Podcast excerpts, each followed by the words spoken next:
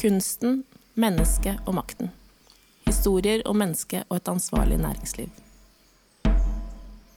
Kan kunsten åpne opp for et annet utgangspunkt for samtale? Kan det hjelpe oss å starte samtalen fra et sted hvor mennesket og menneskelige opplevelser står i sentrum? Gjennom denne podkastserien skal vi lytte til kunstverk og snakke med mennesker som jobber i, eller tett på, næringslivet, og forstå hvordan de mener næringslivet påvirker, eller bør påvirke, menneskers emosjonelle tilknytning til samfunnet de lever i. Vi skal forsøke å ikke kritisere, men utfordre samtalepartnerne våre til å tenke videre og jobbe med sin egen forståelse av påvirkningen næringslivet har på menneskers liv. Hvordan føles det å bli fratatt retten til landet du lever på og lever av? Hva gjør det med deg som menneske, og med tilknytning til ditt eget land eller område? Hva er næringslivets ansvar for mennesker i okkuperte områder som Vest-Sahara eller Palestina? Og hvilken rolle spiller egentlig næringslivet i okkupasjonen? Koreograf og danser Sara Christoffersen tar oss med inn i en forestilling fra det okkuperte Palestina. Og vi samtaler med Ingrid Stolpestad, politisk rådgiver i Amnesty International. Ghazi Walid Fallah writes that the English word for occupation doesn't really capture the lived experience of daily life in Palestine. He suggests that the Arabic word itilal, which translates to suffocation, better captures the full reality of the experience. Quoting Fallah, he says, The word suffocation is more precise. It underlines the desperate need for oxygen which Palestinians are experiencing their political and human asphyxiation, a geopolitics in a sense inflicted on the body, the mind, a mechanics of mutilation of flesh and spirit close up. The sensation of suffocation is very present in Palestine, an experience of encroachment that inhabits the body.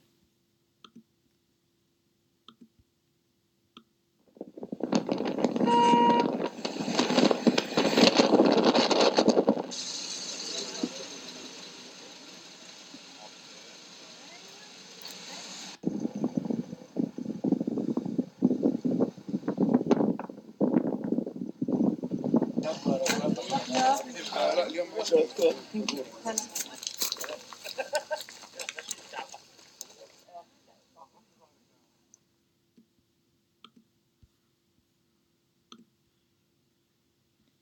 Working with this political backdrop, we were interested when working with Area Y to search for other narratives in the Palestinian context. In the performance, we worked with notions of what is beyond, the in between, and the before and after of what we see and experience. We were interested in a conjunction of trying to remember and trying to forget. Working with the idea of appearing, disappearing, and reappearing as kind of a tribute to how space and landscapes are vanishing in Palestine. Showing how something can dissolve while still being present. We thought of the working process and the performance as a contemporary fable on landscape, if you like, where we aim to open for other potential ways of being together and to offer an area that was inclusive and non-violent. Set as a picnic, the performance took place from the twilight hour into the night. The audience were taken in buses from the city centre of Ramallah to a beautiful olive grove on the outskirts of the city. Driving up and down the long and windy, dusty roads from Ramallah each bus had a guide that described what the audience was seeing in the landscapes we were passing, but mixing these descriptions with old Palestinian fables, offering an imagined alternative to the reality passing by the driving bus. As we arrived at Area Y, The audience was guided into the olive grove, where picnic blankets made from recycled plastic were placed out between the venerable old trees. From the grove, a splendid view towards the west opened up, vast into the horizon. A hilly, dusty landscape, full of olive trees, the view almost reaching down to the Mediterranean Sea, which is unattainable for most of the Palestinians in the audience. Small picnic baskets with fruit and sandwiches were placed on all the blankets. And as they were entering the olive grove, Farah, one of the dancers, was standing as kind of this sun goddess wrapped in a long, big yellow fabric that was dancing along with the wind. Um, and she was so powerful and calm and serene, kind of welcoming people into the space, while at the same time her eyes were closed, so she wasn't seeing anyone, but but she it was almost as if she was meditating on the landscape.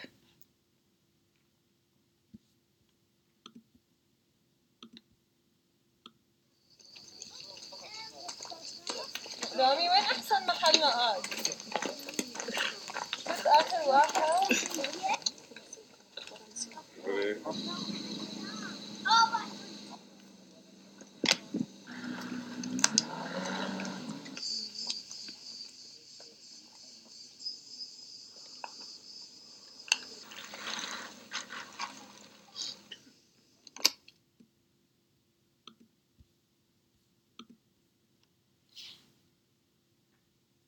In the golden and hot afternoon sun, the audience were served tea and coffee, and as they slowly settled, the dancers started with a series of interventions in the landscape, where they sometimes inhabited and merged into the landscape.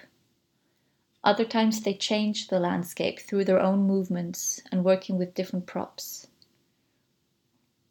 such as colorful fabrics in yellow and pink and blue. Um, they also had white paper mache props that could be used to extend their own bodies. So there were white paper mache hands. There were white science fiction type paper mache helmets. Uh, and the dancers worked with and without these props, with appearing, disappearing, and reappearing in different ways, in and out of the landscape. As afternoon became evening and the light was slowly fading, the dancers placed out small silver pipes, almost looking like skyscrapers, picking them up very, very gently so as not to reveal the magic that would happen uh, later on. Slowly, a miniature city of skyscrapers was built all around the olive grove. Then the small slight pipes were slowly opened sometimes dropped dramatically, other times pulled out in a rush. And when the pipes were opened, they opened up as accordions, shimmering in silver.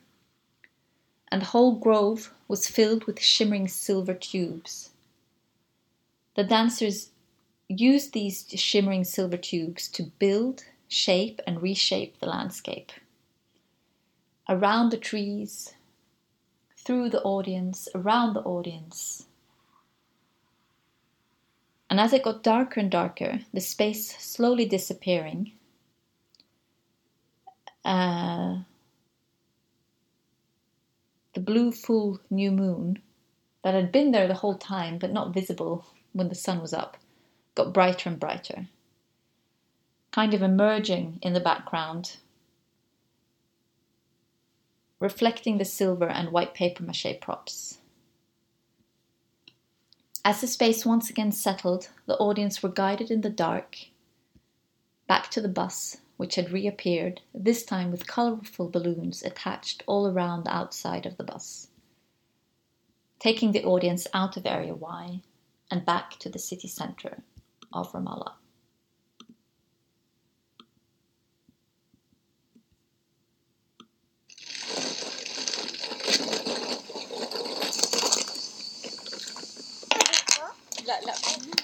Estamos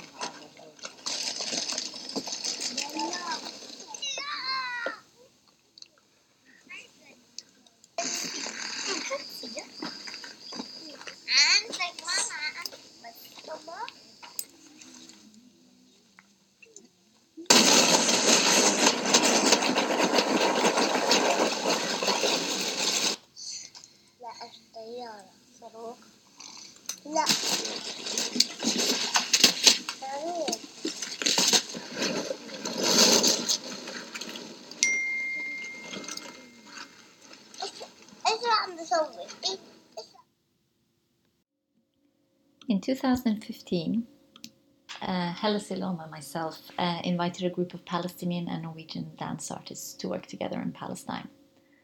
And this resulted in the performance Area Y. Area Y can be described as a contemporary fable on geographic landscape. And it was staged as a three hour picnic event. And the audience was taken to uh, the chosen location for Area Y in buses. In Ramallah, Area Y was set in an olive grove situated just outside Ramallah city on the border of Area A and Area C, which is a consequence of the Oslo Agreement. In 2016, the performance re emerged as a traveling concept and was performed in Ramallah again, uh, in Majd al Shams, in the Golan Heights, and along the border to Lebanon. This was choreographed as attempted meetings between the dance piece and different bordering spaces. The work unraveled in the different meetings, both imagined and real. Throughout working with this project, we have wanted to question how political interventions in geographic landscapes separate people and communities from each other. It is difficult to describe the intricate and entangled ways in which Palestinian lives are subject to violence, violations, and oppression, and the complex ways their lives are oppressed and restricted. The occupation is a very visceral and corporeal experience.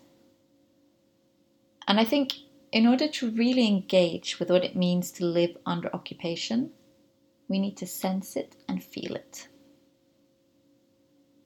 Space in Palestine is contentious, contested, confined, annexed, expropriated, controlled, and surveyed. The acute and violent quality of space is one of the things that strikes me every time I visit Palestine. Both the violence that happens in space, but also the violence that happens to space. Space is vanishing, landscapes are altered, and new areas are made inaccessible to Palestinians through various systematic mechanisms of occupation. The intimate space of the body, the private space of the home, and social and transnational spaces are all violated, confined, and restricted in various ways for Palestinians. Tanken bak denne podkasten er jo det at vi skal forstå mer om hvordan næringslivet påvirker eh, menneskers emosjonelle liv og tilknytning til det stedet som de lever. Eh, og hvordan endringer i regler og lovverk påvirker menneskers liv på et mer følelsesmessig plan. Eh, og da tenkte jeg at vi kunne starte med litt din opplevelse av dette lydstykket, da, i, med den bakgrunnen som, som Sara skisserte opp med det okkuperte området. Og hennes danseforestilling som egentlig handler om nettopp okkupasjonen av ikke bare land, men menneskers kropp. Mm. Ja, jeg syns jo først og fremst det var så utrolig vakkert å høre den beskrivelsen som hun kommer med. Og så um, uh, sitter jeg også med litt sånn sår følelse. Um, fordi opplevelsen blir litt Eller det jeg føler litt, er at disse menneskene som da bor i Ramallah og bor under okkupasjon. Og som er så ufrie på, på, så, mange, på så mange måter. For meg høres litt ut som om denne forestillingen gir et sånt glimt av eh, hva skal vi si, en større verden, da. og jeg selv jeg har, vært, jeg har vært på Vestbredden i tre måneder eller tilbake tre måneder der en gang. Eh, var mest i Hebron. Og eh, noe av det jeg syns var sterkest, var nettopp den måten eh, Altså dette med bevegelsesfrihet, og at folk ikke kan, ikke kan, bevege seg fritt. Og Sara sier på et eller annet tidspunkt så sier hun noe om at eh, man får et glimt av sjøen som de fleste på Vestbredden ikke har tilgang til. Også og det syns jeg er så, uh, er så sterkt, da.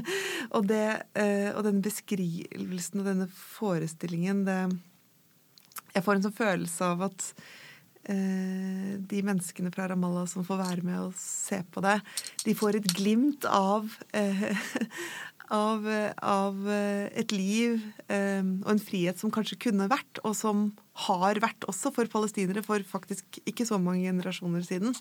Og det er vondt, da. Og vakkert.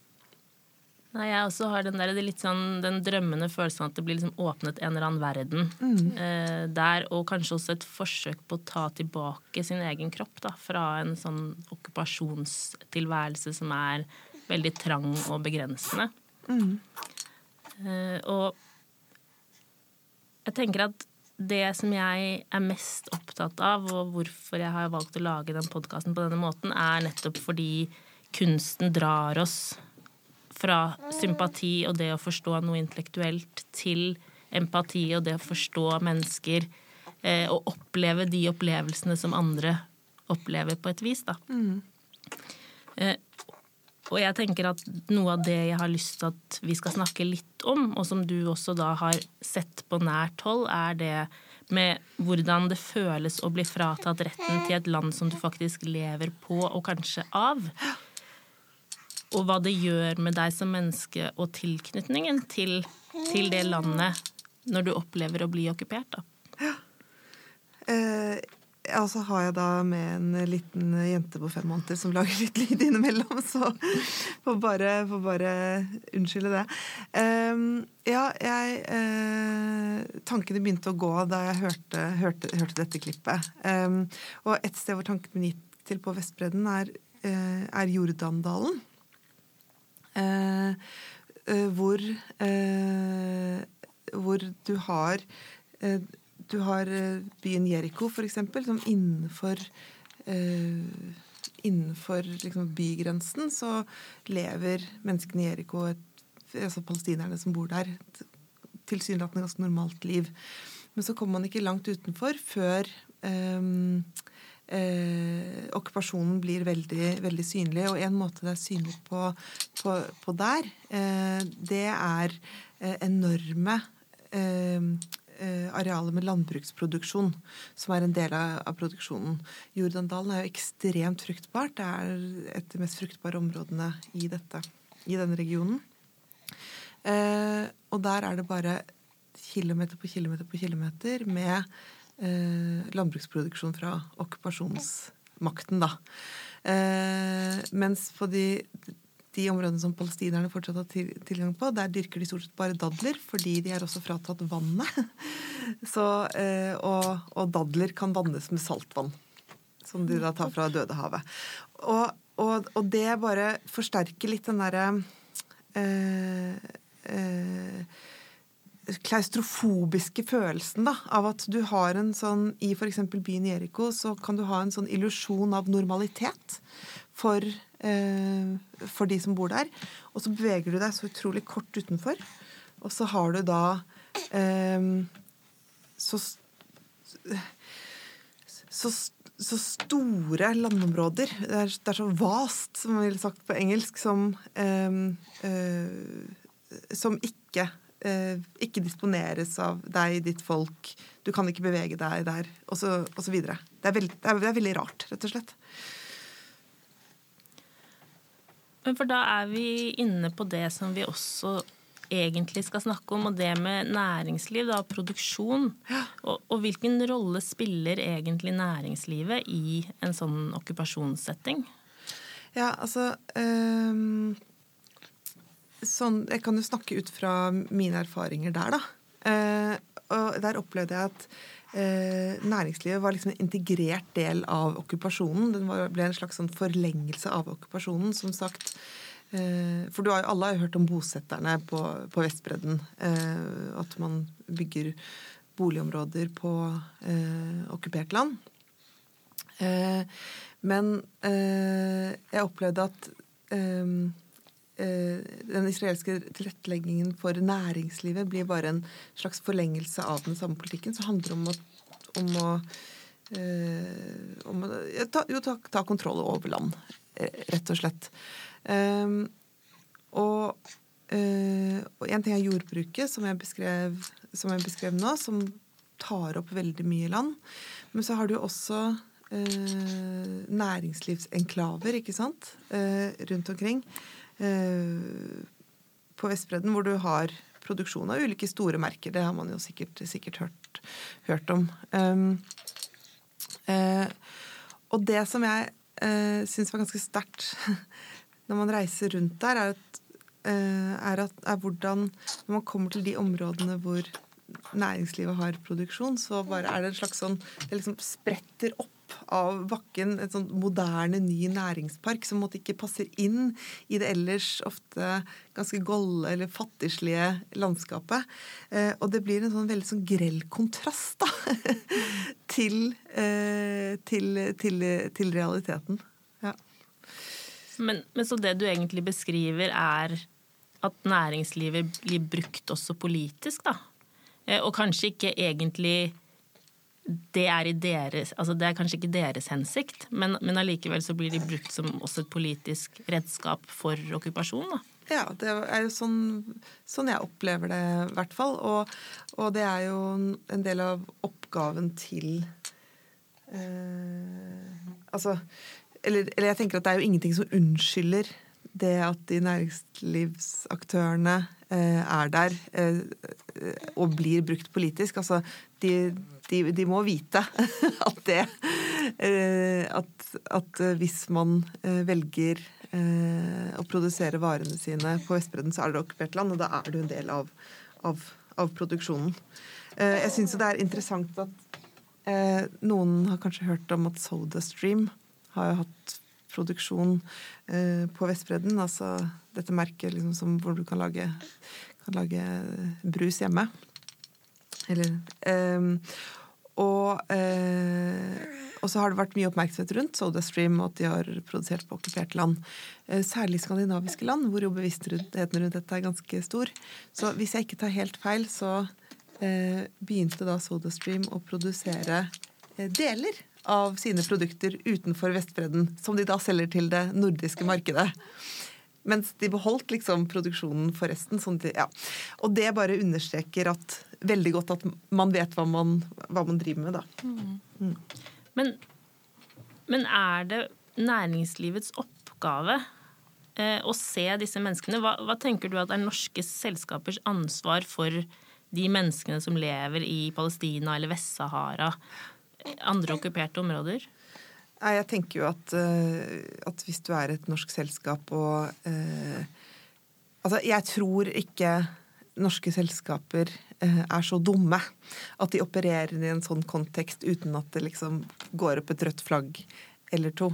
Så ansvaret de har for, for de menneskene, er jo Altså i utgangspunktet så er jo det å, å um, å drive næringsliv i et område på okkupasjonsmaktens premisser, det skal man jo ikke gjøre. Da er man en del av, av, av okkupasjonen. Um, men ansvaret for menneskene er jo Man må jo snakke med folk. Er, når folk lever i en okkupasjon, så er det en helt spesiell, helt spesiell tilværelse. Så er det jo et dilemma, da, for det vil jo kanskje også være folk som er interessert i arbeid. ikke sant? Arbeidsplasser. Så vil man kanskje unnskylde seg med det at ja, men vi gir jo arbeid til folk. Så bare, ja, det, er litt, det er litt mer komplisert enn som så. Mm. For det handler jo også, tenker jeg, da, litt om legitimitet. Og, og hvor, hvordan finner selskapet på en måte legitimitet til å drive næring på et område med tillatelse fra noen som egentlig ikke eier det området. Det, det, blir jo en det blir, litt, det blir, litt, rart, da. Så jeg tenker, hva, hva er det de lener seg på som gjør at de tenker at det er greit? Um, de har vel da sikkert fått en virkelighetsbeskrivelse av okkupasjonsmakten som, som, som passer bra med, med, man eh, Med deres uh, interesser. Men da har man jo et ansvar for å gå bak den, gå bak den virkelighetsbeskrivelsen, da. Og se ok, er det en annen side av, av, historien, av historien, her. Um, og jeg tenker igjen at man er ganske man er ganske naiv, da. Man opererer i et sånt type område uten å tenke at der kan det være noen, noen, noen snublestener, da. Og særlig liksom under okkupasjon. Man sier jo at i krig så er, eh, så er sannheten første offer. Men eh, man kan jo si akkurat samme om okkupasjon. ikke sant? Så akkurat når du forholder deg til det, så er sannheten så utrolig kompleks. Og, det, og ting har så veldig mange, mange sider. Så det er eh, krevende eh, Da har man et særlig ansvar for å forstå litt hva det er man opererer i, da. Hei, Du lille venn. Ja, hei, Oda. Ja. Men jeg, jeg, har jo holdt med den podkasten og, og, tenkt at kunsten også er en viktig inngangsport. Men det er jo også historiefortellinger. Og, og, og, du jobber jo i Amnesty, og der opplever jeg at dere bruker mye historier om mennesker for å få frem nettopp litt av det vi snakker om med den følelsen som menneskene som opplever dette, har. Eh, og deres historier, som gjør at mennesker blir engasjert og på en måte forstår også den kompleksiteten. Da. Hvordan går dere frem når når dere jobber opp mot næringslivet, da, eh, f.eks. næringsliv som jobber på Det kan være ikke bare okkuperte områder, men i konfliktområder, for mm. å få dem til å forstå den komplekse virkeligheten som de opererer i, da. Vi har jobba mye med, med urfolk, f.eks. Og det er, jo, det er jo ofte konflikt mellom næringsinteresser og urfolk mange, mange, steder i verden. Og det er igjen fordi det handler mye om land og tilgang på, på, på, på land. Um, og da er det på en måte en viktig del av å jobbe eh, La oss si da at eh, et land i Latin-Amerika ønsker å innføre en lov som vil gjøre det lettere for gruveselskaper og drive gruvedrift ikke sant? på land hvor urfolk har sine, har sine interesser. Eh, da, eh, da vil det være viktig for Amnesty å prate med Eh, representanter for urbefolkningen og få frem liksom, deres historie. Og la dem, la, at de forteller det, den historien. Og på en måte er det jo dette sånn veldig mange jobber, ikke sant? Altså sånn jobber, sånn jobber jo eh, Journalister, for eksempel, er jo alltid ute etter et case. Eh, men Amnesty er litt annerledes fordi eh, hvis man jobber som journalist, da, så starter man gjerne med problemstilling, og så prøver man å finne den personen som passer inn i den problemstillingen. Men Amnesty eh, startet jo med enkeltpersoner. Amnesty startet med at, at å få enkeltpersoner som var uh, urettferdig fengsla eller fengsla uh, eh, pga. sin overbevisning i strid med menneskerettighetene, ut av fangenskap. Så vi startet med mennesket. Så det er en helt grunnleggende Um, det ligger liksom i DNA-et, da. Um, og så selvfølgelig så alt blir, jo, alt blir jo sterkere når det er en, det er en personlig historie. Uh, på samme måte som alt blir sterkere med, med, kunst. ikke sant? Den følelsen som både du og jeg fikk av å høre det lydklippet om den danseforestillingen. Um, det, den følelsen kan du ikke få aldri av å lese en rapport som beskriver eh, grusomme, eh, men like fullt liksom, som beskriver overgrepene liksom saklig. Men den derre følelsen av, eh, som vi får her, da, av eh, at man får se noe som kunne vært, får se en virkelighet som kunne vært. Ja, du kan aldri beskrive, beskrive det. Men for du snakker nå litt om eh, det å lytte til mange sider. Og, og, det jeg også lurer på, er hvordan dere går frem for å sikre at det ikke på en måte bare blir sånn to sider. At man ikke hører bare okkupasjonsmakten og den okkuperte, men at man ser at innenfor hver fraksjon så finnes det mange grupper. Eh, og mennesker som både trenger og ønsker seg og opplever ting forskjellig. Hvordan sikrer man det mangfoldet i, i stemmer, da? når man også skal fremme en sak. Og har ulike interesser, ikke sant? Ikke minst. Altså, det, er jo, eh, det, er jo, det er jo ikke sånn at nettopp Det er to sider, og den ene siden, der er alle, alle gode. ikke sant? Det er jo ikke sånn at alle som definerer seg selv som menneskerettsforkjempere i et land, per definisjon eh, gjør bare gode ting og har bare gode hensikter. Altså, det, folk folk kan alltid ha hensikter og, og, av, ja, av ulike ulike grunner, ikke sant. Eh, nei, så dette med å få verifisert noe, eller å, eh, å, å, å få eh, komme så nære en sannhet som overhodet mulig, er jo kjempeviktig for Amnesty. Og Derfor er jo dokumentasjon utrolig viktig, og annet å snakke med flere ulike personer, da.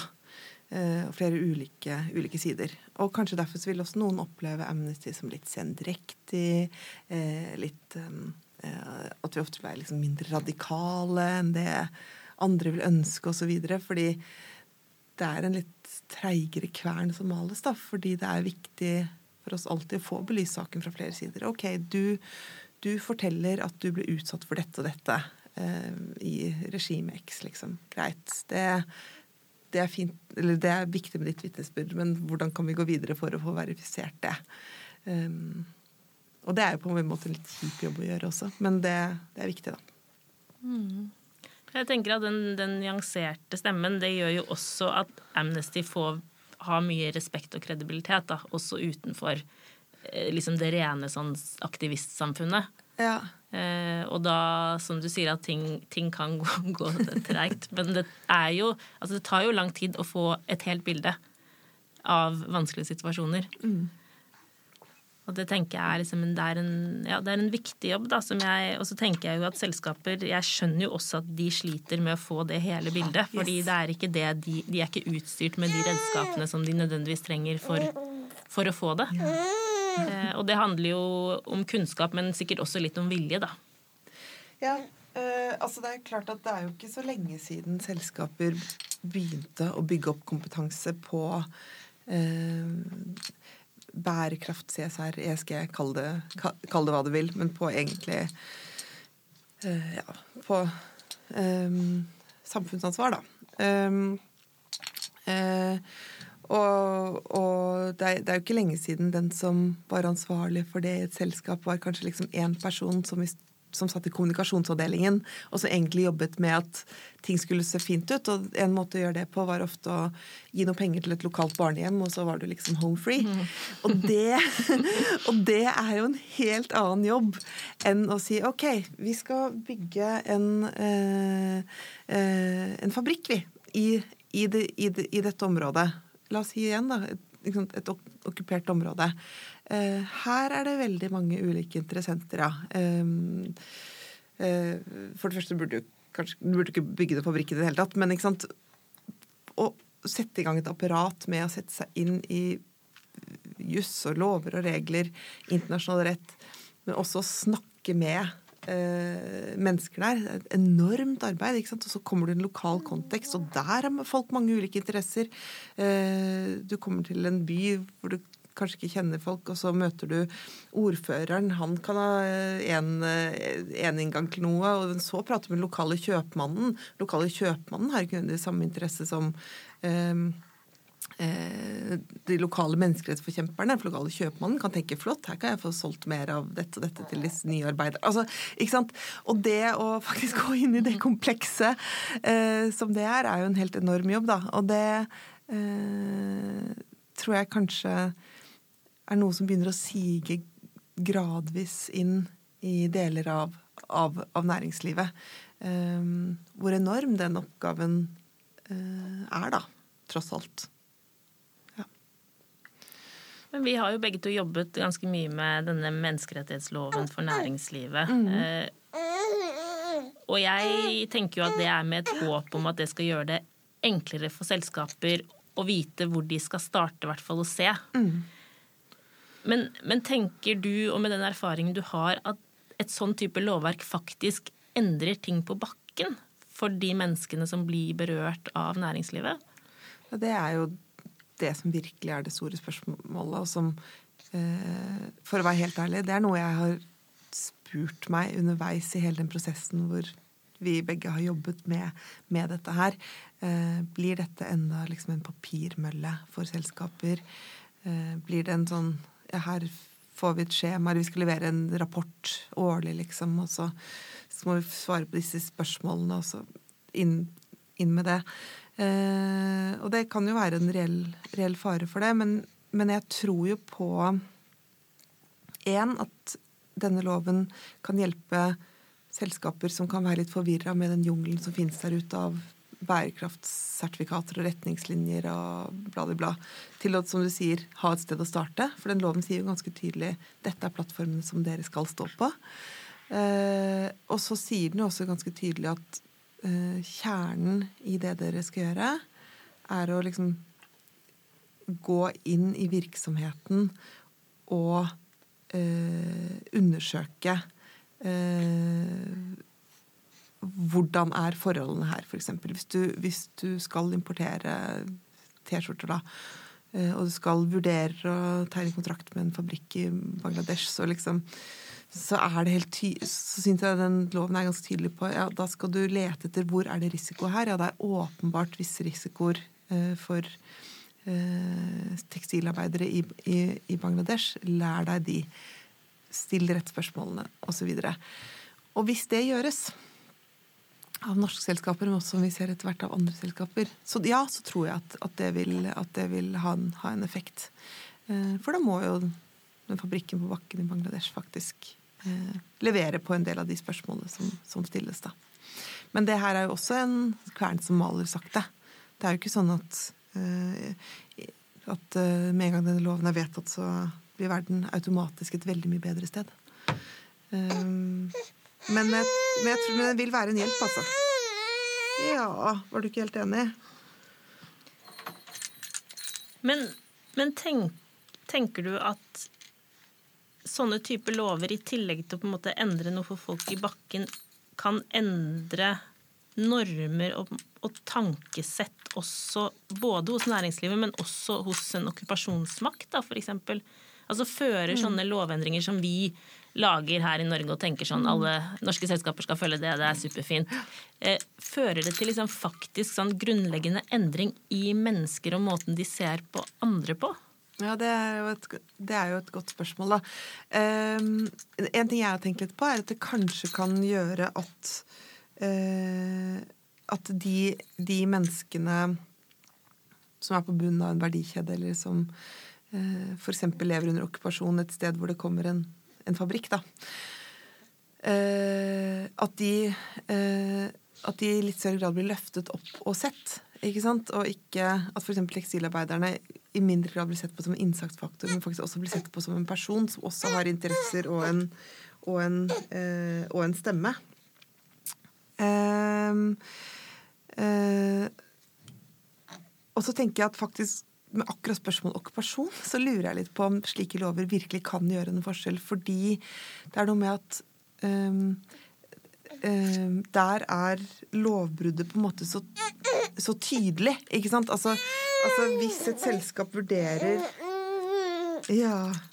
Hvis et selskap vurderer uh, å tegne kontrakt med en fabrikk på okkupert jord um, så, så, er det noen sånn veldig åpenbare spørsmål som det selskapet må stille til okkupasjonsmakten. Da.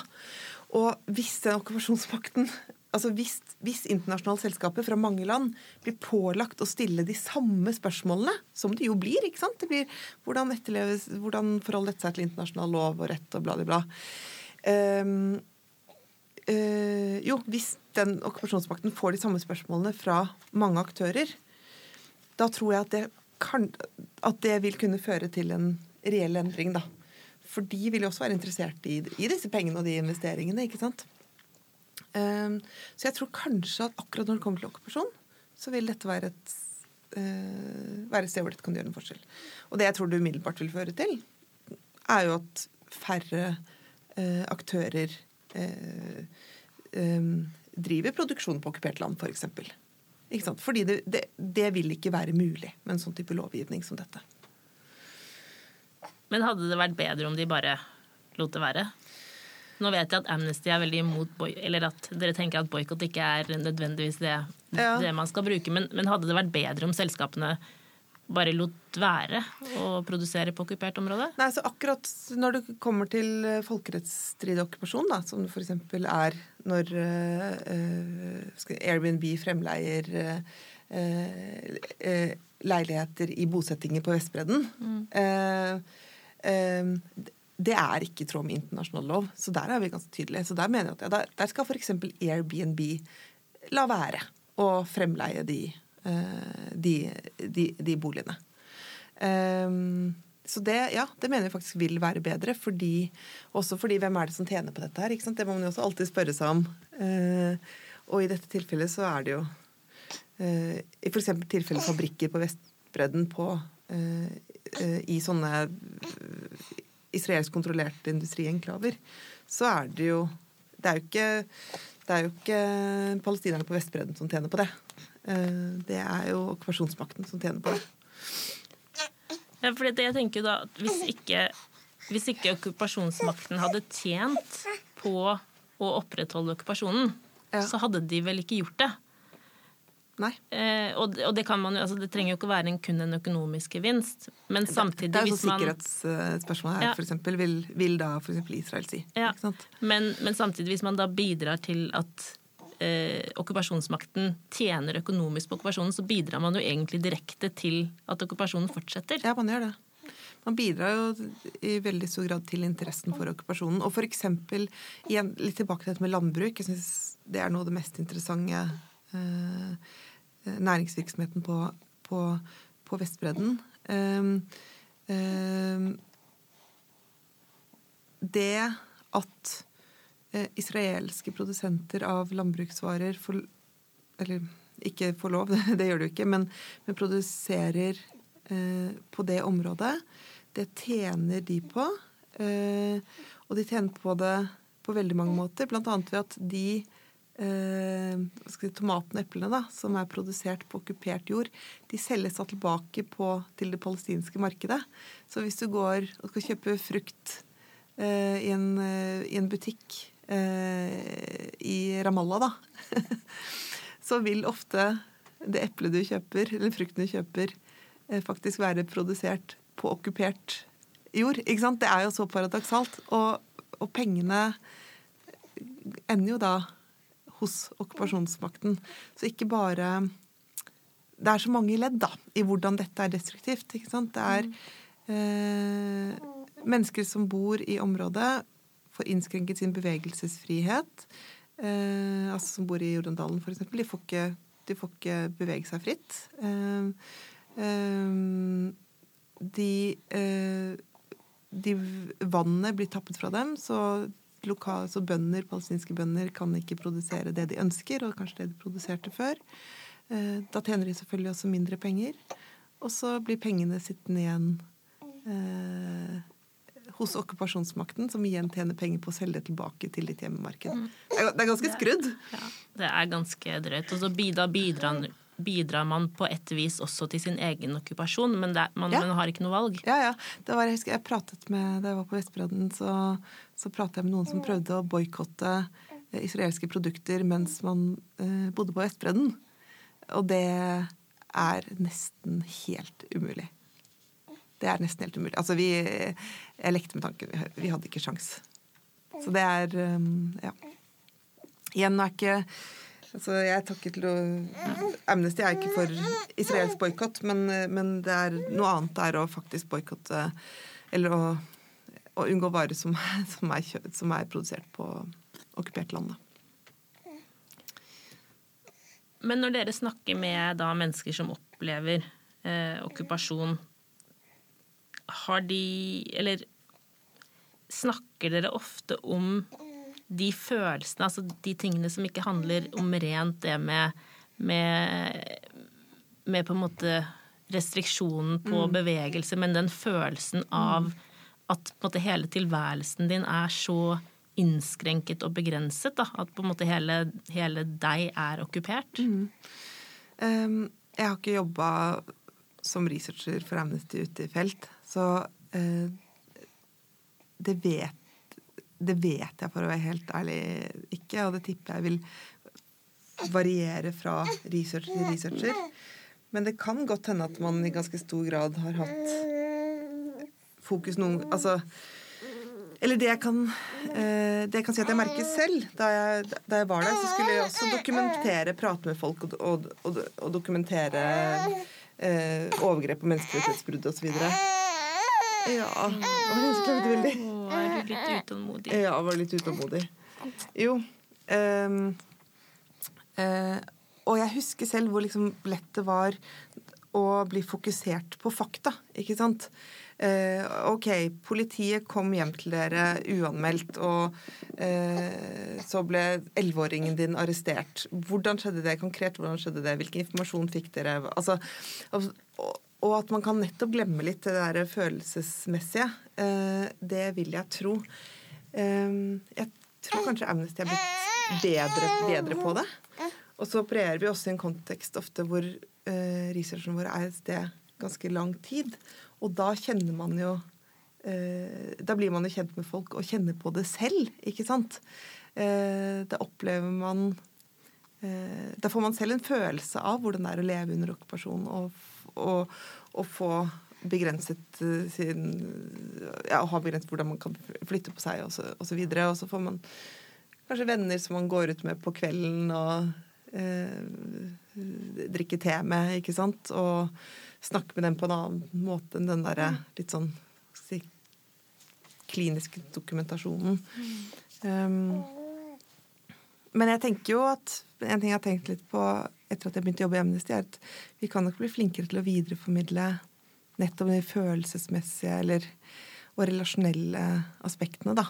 Um, for det er jo det som skaper bevegelse.